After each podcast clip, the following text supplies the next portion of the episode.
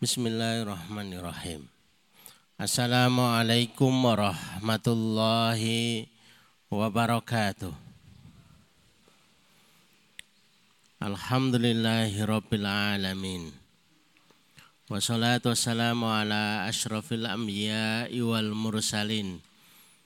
Wa ala alihi wa ashabihi wa man tabi'ahum bi ihsanin ila yaumiddin. Asyhadu an la ilaha illallah wa asyhadu anna Muhammadan abduhu wa nabiyuhu wa rasuluh. La nabiyya wa la rasula ba'dah. Allahumma syrah sudurana wa tazawwas an sayyiatina Wahab lana fahmal anbiya'i wal mursalin. Wahab lana fahmas salafus salih.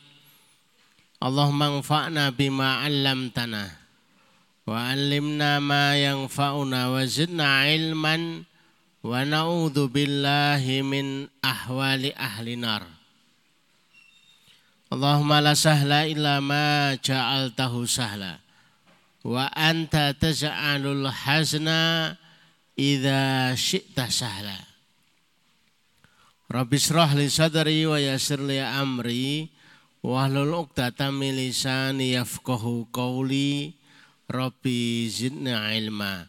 Subhanaka la ilma lana illa ma 'allamtana innaka antal alimul hakim.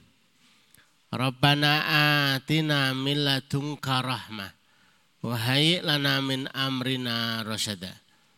Amma ba'd Bapak Ibu yang semoga dirahmati Allah, semoga diberkahi Allah dan semoga dicintai oleh Allah Subhanahu wa taala.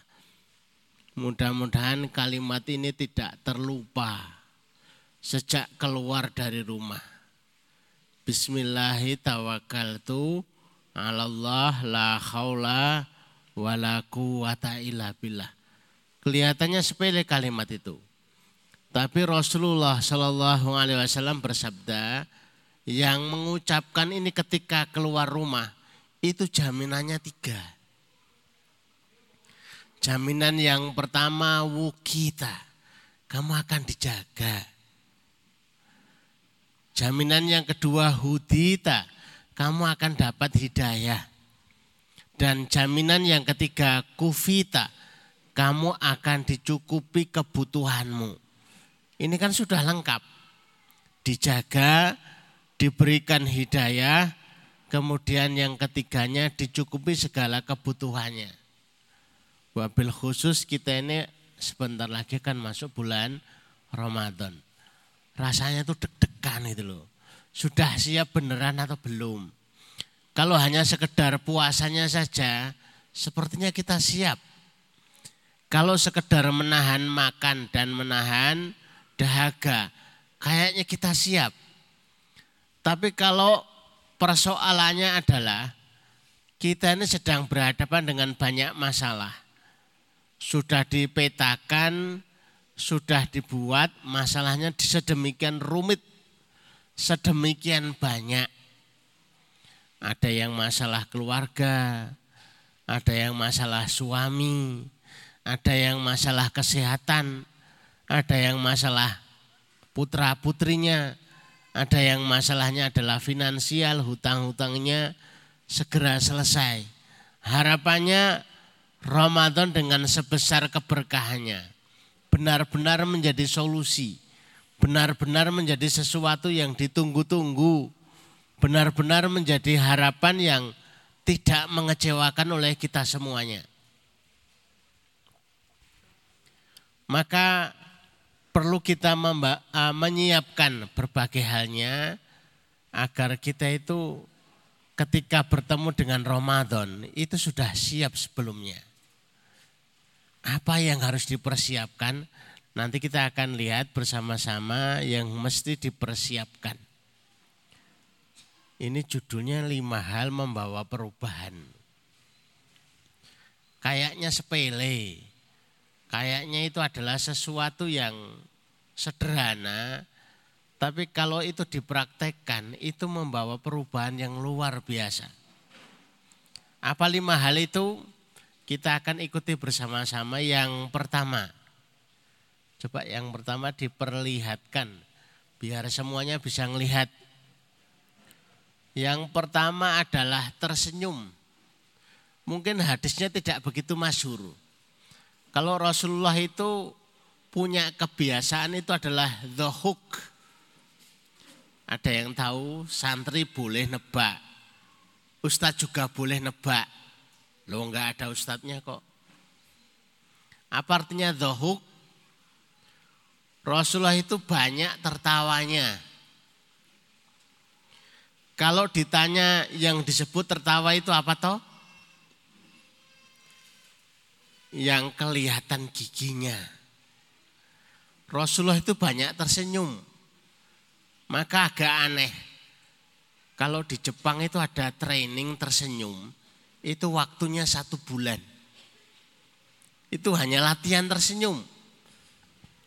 Dengan sesuatu benda, polpen boleh, penggaris boleh, yang digigit.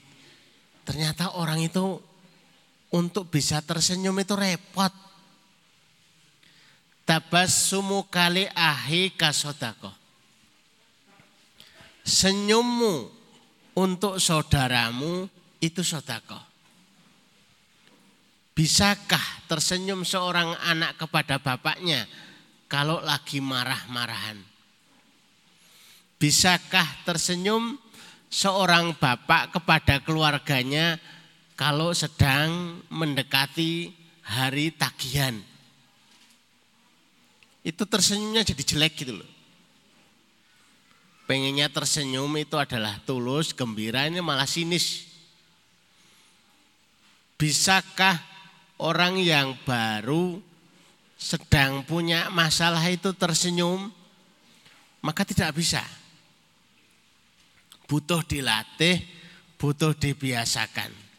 Lah Rasulullah itu banyak tersenyum, sedikit-sedikit tersenyum, sedikit-sedikit tersenyum.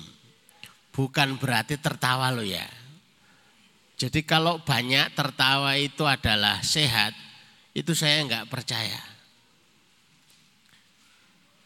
banyak tertawa itu sarafnya itu sudah dol. Dia bukan sehat tapi kebablasan sehatnya. Yang sehat itu adalah bukan kebanyakan tertawa, tapi adalah tabas sumuka. Senyummu kepada saudaramu itu adalah sodakoh. Dan itu akan membawa kegembiraan sebagai sebuah tanda bahagia. Jadi kalau orang itu senyum-senyum saja, banyak tersenyum, itu sudah bisa dibaca. Orang ini bahagia. Tapi kalau kelihatan merengut, kelihatan gak sedap dipandang, itu tandanya kurang bahagia. Setidak-tidaknya bisa dilihat mereka yang bahagia. Kalau ada kabar sebentar lagi datang Ramadan, dia itu seneng aroma wajahnya itu cerah, sumringah, kemudian tersenyum, itu bahagia. Orang yang banyak tersenyum itu juga menghilangkan stres.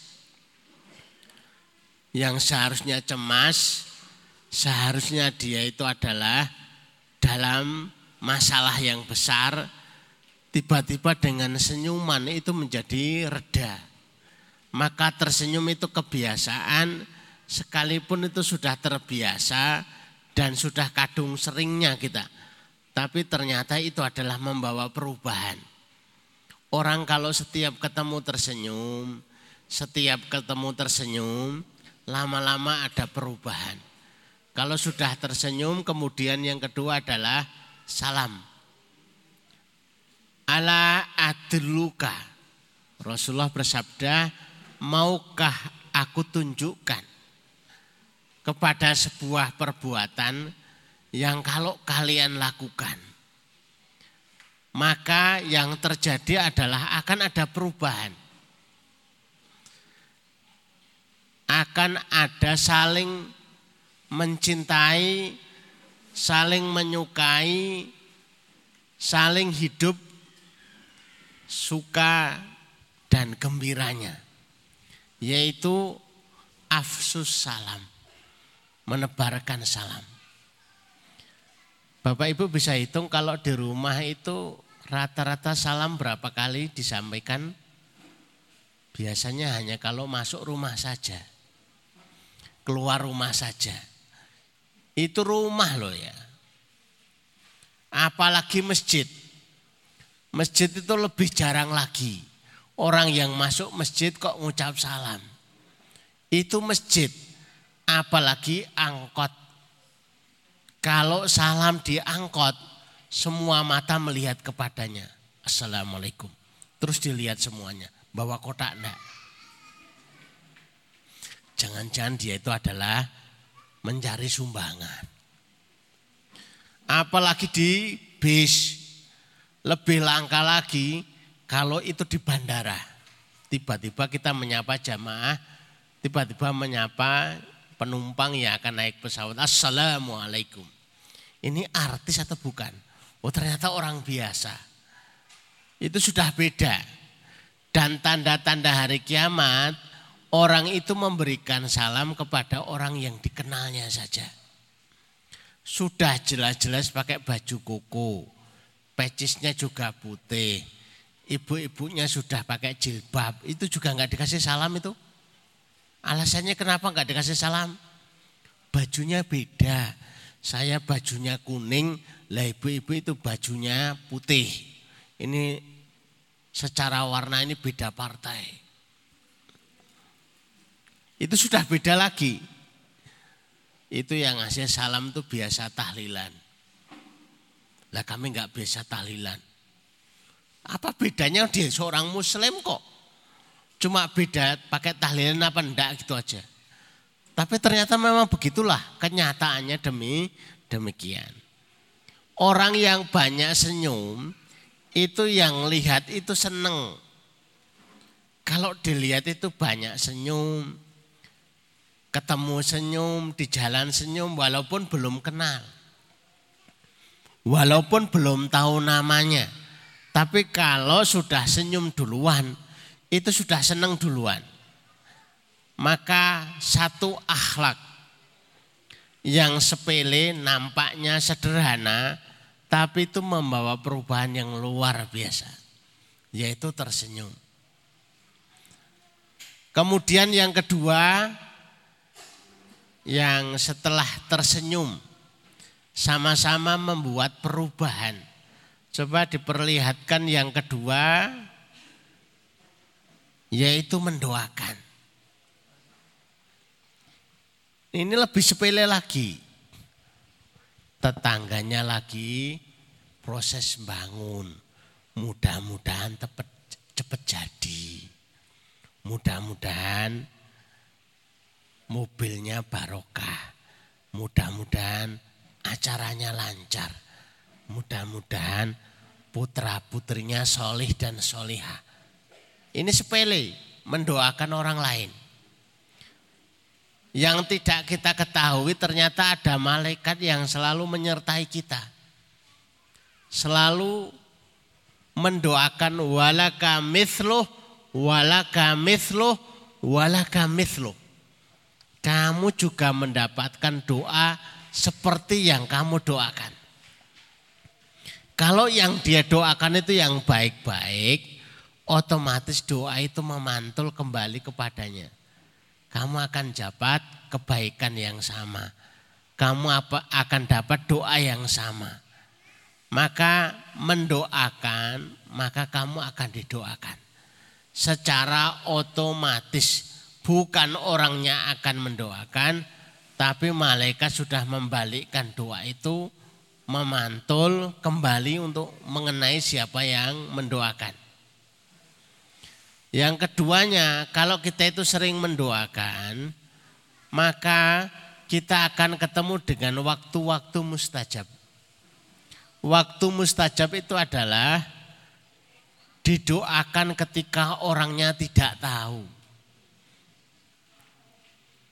Ketika tidak tahu, itu menjadi waktunya mustajab.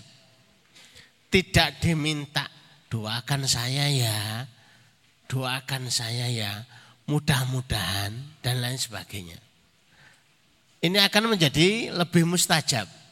Maka semakin dia mendoakan, maka dia akan sering mendapatkan doa dari orang lain. Minimal akan di copy paste kembali kepada dia doa tadi. Semakin sering mendoakan, sering mendapatkan doa kiriman yang dia tidak kenali, tidak sadari, yang itu baik baginya. Kemudian orang yang punya doa, saldonya banyak, masalahnya terurai juga banyak. Pada suatu hari ada yang memberikan sebuah nasihat bentuknya itu cerita. Dia itu sedang bangun rumah. Lah bangun rumah itu kok empat lantai. Terbengkalai, mangkrak, tukang-tukangnya sudah tidak mulai bekerja lagi, bangunannya sudah mulai banyak yang kehujanan, terbengkalai, dan ini proses pembangunannya terganggu. Dia bingung bagaimana caranya agar bisa meneruskan pembangunan ini. Akhirnya bapaknya itu menyampaikan, nak ikutlah sama bapak. Diikuti bapaknya itu. Setiap ketemu rumah yang sedang dibangun didoakan. Setiap ketemu proyek pembangunan didoakan. Semakin dia itu ketemu dengan lahan-lahan proyek, rumah-rumah dan proses-proses pembangunan, semakin dia berdoanya banyak. Begitu yang didoakan samping rumahnya yang empat lantai itu juga sedang punya proyek membangun empat lantai juga. Hebatnya, begitu yang didoakan proyek empat lantai itu kembali ada karyawannya. Bersamaan dengan itu dia pun punya karyawan lagi. Begitu proyek yang didoakan selesai, dia pun proyeknya selesai. Begitu proyeknya itu bisa dibangun dengan biaya yang mencukupi dia pun diberikan oleh Allah dengan biaya yang mencukupi. Ini yang luar biasa. Mendoakan. Wallahu fi aunil abdi madamal abdu aunan li akhihi. Allah akan selalu, kalimatnya selalu, pasti, selalu pasti menolong hamba. Kapan? Kalau hamba itu menolong kepada saudaranya. Selama proses membangun, selama proses membantu saudaranya itu terus berjalan.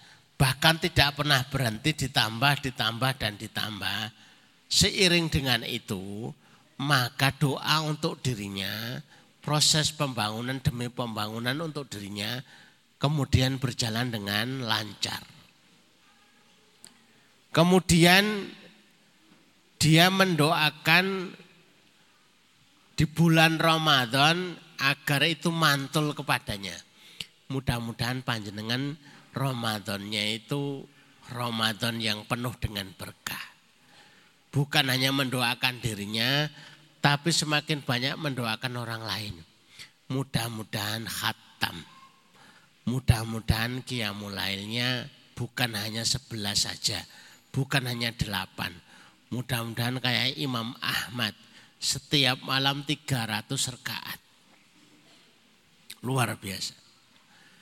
Ini yang kedua, sepele, sederhana, tapi ini membawa perubahan. Kalau dilakukan oleh dirinya kepada orang lain, maka pembangunan itu tidak, maka perubahan itu tidak dirasa tahu-tahu sudah berubah, berubah, berubah. Dari mana nih perubahan itu didapatkan? dari doa-doanya yang mantul kembali kepadanya. Yang dikembalikan kepadanya. Sama dengan dia didoakan oleh orang-orang yang mendoakan kepadanya. Itu yang nomor dua. Oke sekarang yang ketiga. Yang ketiga adalah tilawah. Nampaknya sepele. Cuma baca Quran Tapi ternyata di dalamnya itu ada membawa perubahan. Dari mana itu bisa didapatkan? Yang pertama Al-Quran yang dibaca itu sebab turunnya rahmat Allah. Awalnya biasa-biasa saja. Tidak tahu ada rahmat Allah. Tapi begitu Al-Quran dibaca, saat itulah rahmat Allah turun kepadanya. Belum lagi setelah rahmat Allah itu datang, keduanya yang datang itu adalah malaikat Allah. Setiap yang membaca Al-Quran ada malaikat yang dititipkan. Semakin dia itu banyak membaca Al-Quran, semakin dia itu disertai malaikat. Malaikatul baroroh akan disejajarkan dengan malaikat yang baik-baik. Maknanya apa? Bacaan Al-Quran itu mengundang malaikat. Ada sekumpulan malaikat yang setiap hari itu diturunkan di bumi Allah. Mereka itu sebutannya sifaroh. Keliling. Kalau ketemu dengan yang membaca Al-Quran, turun mengelilingi, kemudian mendoakan Ya Allah ampunilah hambamu yang membaca Al-Quran ini. Itu rahmat yang diberikan Allah kepada mereka yang membaca Al-Quran. Rahmatnya itu sendiri diturunkan.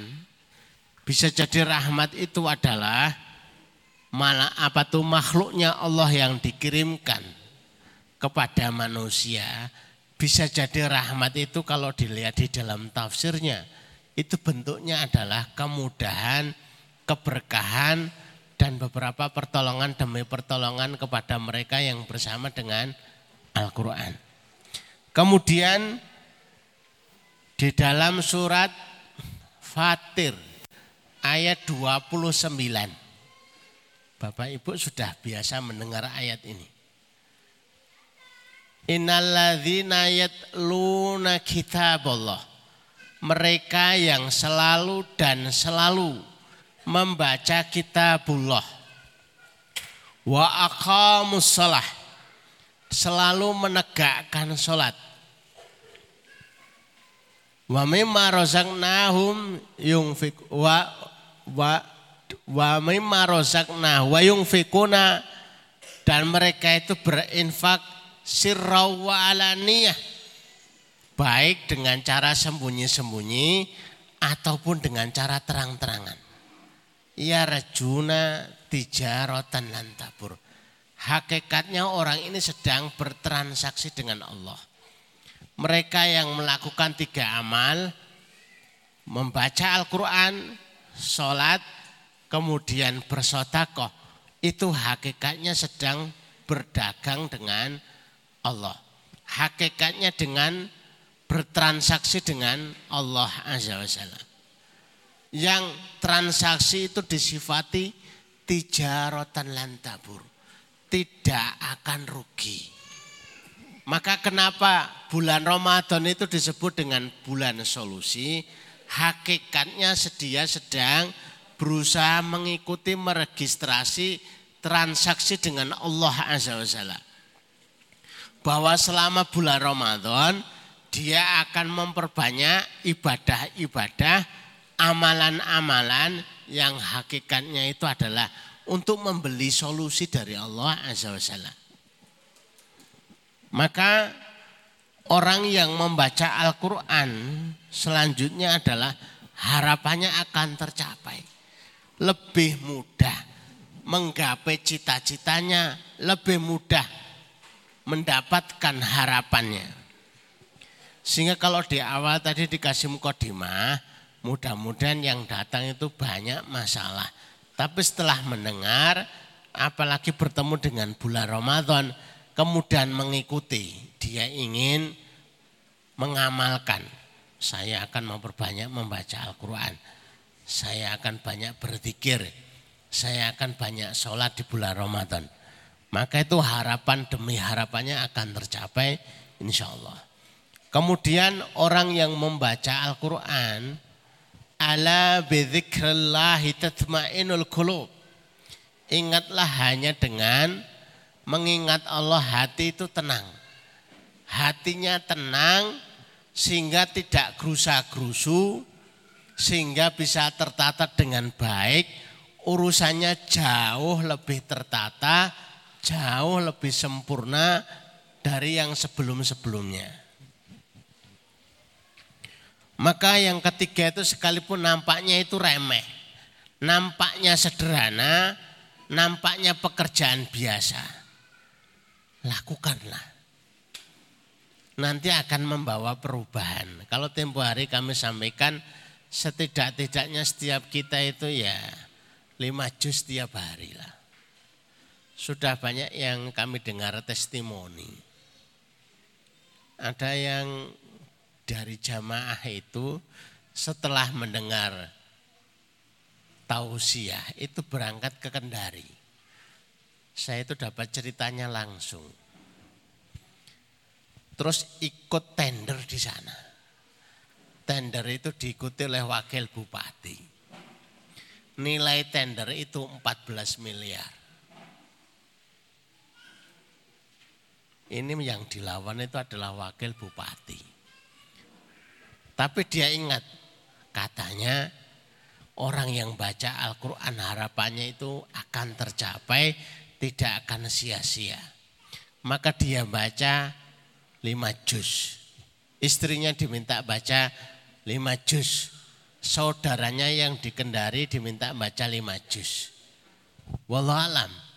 Berkali-kali tender itu diputar-putar. Dia selalu menang. Menang, selalu menang, selalu menang. Kemudian ditanyakan, nanti kalau menang tender, ada nazarnya apa? Nanti sebagian kami akan serahkan terserah Ustadz mau ditaruh di mana. Kalau menang, tapi kalau belum sampai di sini berarti belum dikirim. Sudah menangnya jelas tapi belum dikirim hasilnya gitu ya. Kemudian yang keempat, karena ini sudah semakin siang, yang keempat, coba dilihat yang keempat, sholat. Kenapa sholat itu menjadi sesuatu banget? Lawang pekerjaan yang biasa banget yang dilakukan oleh kita. Ingat ketika Nabiullah Ibrahim itu pertama kali diperintahkan ke bumi Mekah. Itu sempat bingung. Ini tempat tandus banget. Ya, bukan hanya tidak ada kontraan. Bukan hanya tidak ada pekerjaan. Tapi sangat-sangat tandus. satu tanaman pun tidak tumbuh. Namanya Makkah waktu itu tandus. Hari ini yo masih tandus, bukan ada perubahan. Tapi dia tahu betul Robbana liuki musola. Ya Rob, kita dibawa ke sini di tempat yang tandus, yang tidak ada kehidupan itu dalam rangka untuk mengamalkan satu perintah saja Robbana leuke musolah. Ya Rob agar kami itu menegakkan sholat.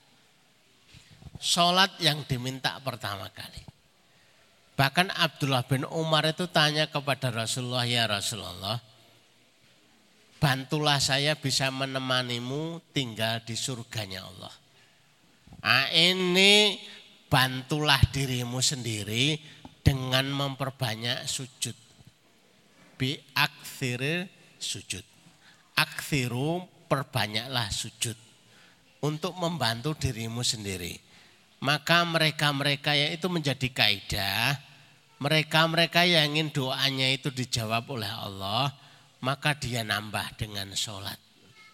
Sholat yang dikerjakan tapi dampaknya adalah mustajabnya doa yang sebelumnya kurang mustajab menjadi lebih mustajab. Bahkan dalam satu tafsir dijelaskan andai kata banjir Nabi Nuh yang menurut riwayat itu diceritakan banjir Nabi Nuh itu di atas gunung tertinggi itu tingginya 150 hasta. Di atas gunung tertinggi. Berarti tenggelam seluruhnya. Kalau ada yang menyangka dulu itu Indonesia itu pernah bergabung dengan Australia masih jadi satu. Ya barangkali mungkin mungkin banget bukan hanya dengan Australia, tapi seluruh dunia itu banjirnya adalah 150 hasta. Itu di atas gunung tertinggi. Satu hastanya berapa Bapak Ibu? Satu hasta. Satu hasta itu ya satu tangan lah, kurang lebih satu meter lah kurang lebih. 150 meter di atas gunung tertinggi. Betul-betul itu adalah sebuah adab yang sangat dahsyat. Betul-betul waktu itu adalah ditenggelamkan semuanya. Kemudian do malaik apa itu sholat itu itu ibadahnya malaikat. Ketika Nabiullah Adam itu diciptakan, itu diprotes oleh malaikat. Kenapa engkau ciptakan Adam? Sedangkan kami itu hari-harinya itu ya sholat. Kalau diperintahkan rukuk ya rukuk sebelum disuruh berdiri. Kalau diperintahkan sujud, sujud, sujud terus sampai disuruh berdiri. Malaikat itu pekerjaannya hari-harinya adalah sholat. Dan istimewanya sholat dan kita di momen Isra dan Mi'raj. Istimewanya sholat.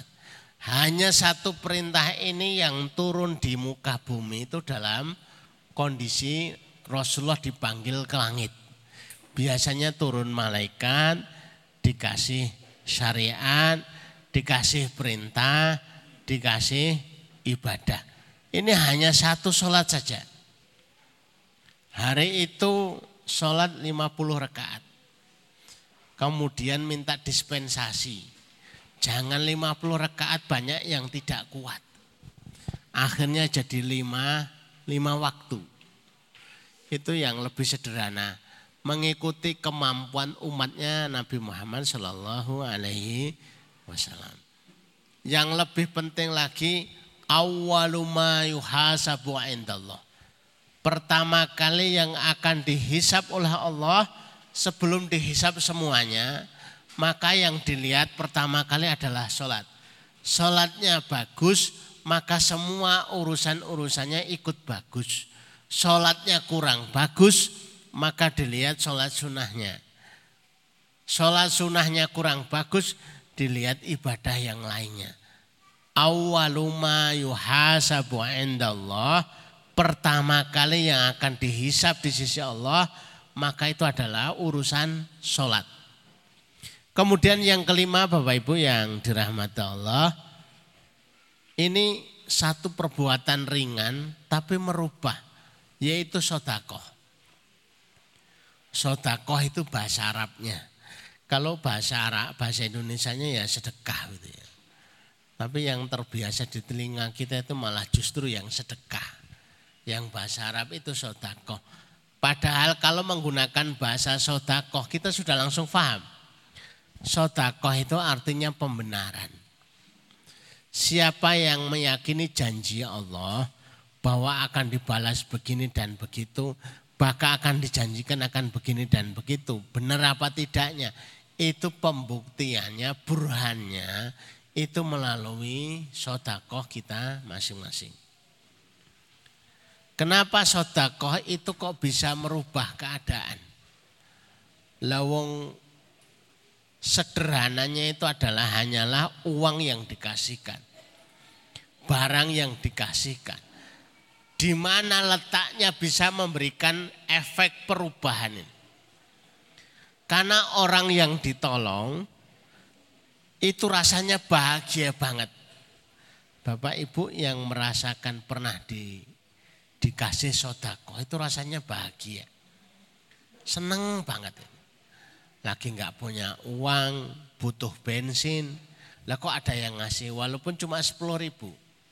Tapi itu sangat-sangat membantu dan dia merasakan sangat-sangat bahagia. maka kebahagiaan itu akan dikopi paste kepada orang-orang yang memberikan sotakoh itu sendiri.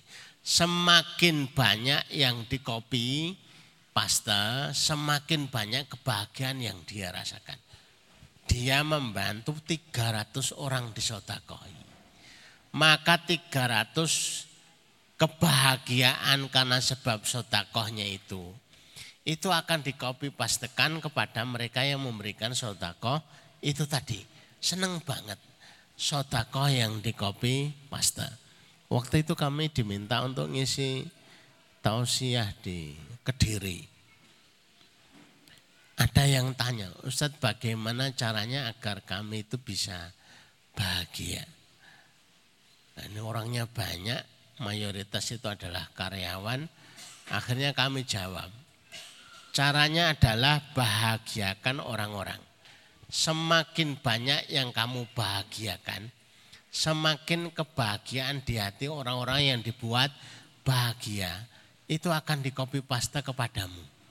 Baru kamu merasakan bahagia. Jadi kebahagiaan yang dikopi paste itu akan kembali kepada dirinya semakin banyak, semakin banyak. Kemudian yang keempat, menolong orang lain. Itu hakikatnya sedang mengamalkan hadis Rasulullah. Khairun nas anfa'uhum linas. Manusia yang paling baik itu yang paling dirasakan manfaatnya oleh manusia lain. Jadi orang ini dipertahankan keberadaannya, dipanjangkan usianya karena orang-orang sekitarnya itu merasakan kebahagiaan, merasakan kebaikannya. Ya Allah jangan cabut usianya. Ya Allah jangan buat tua umurnya. Kami itu merasakan kebahagiaannya. Karena itu sebab menolong orang lain.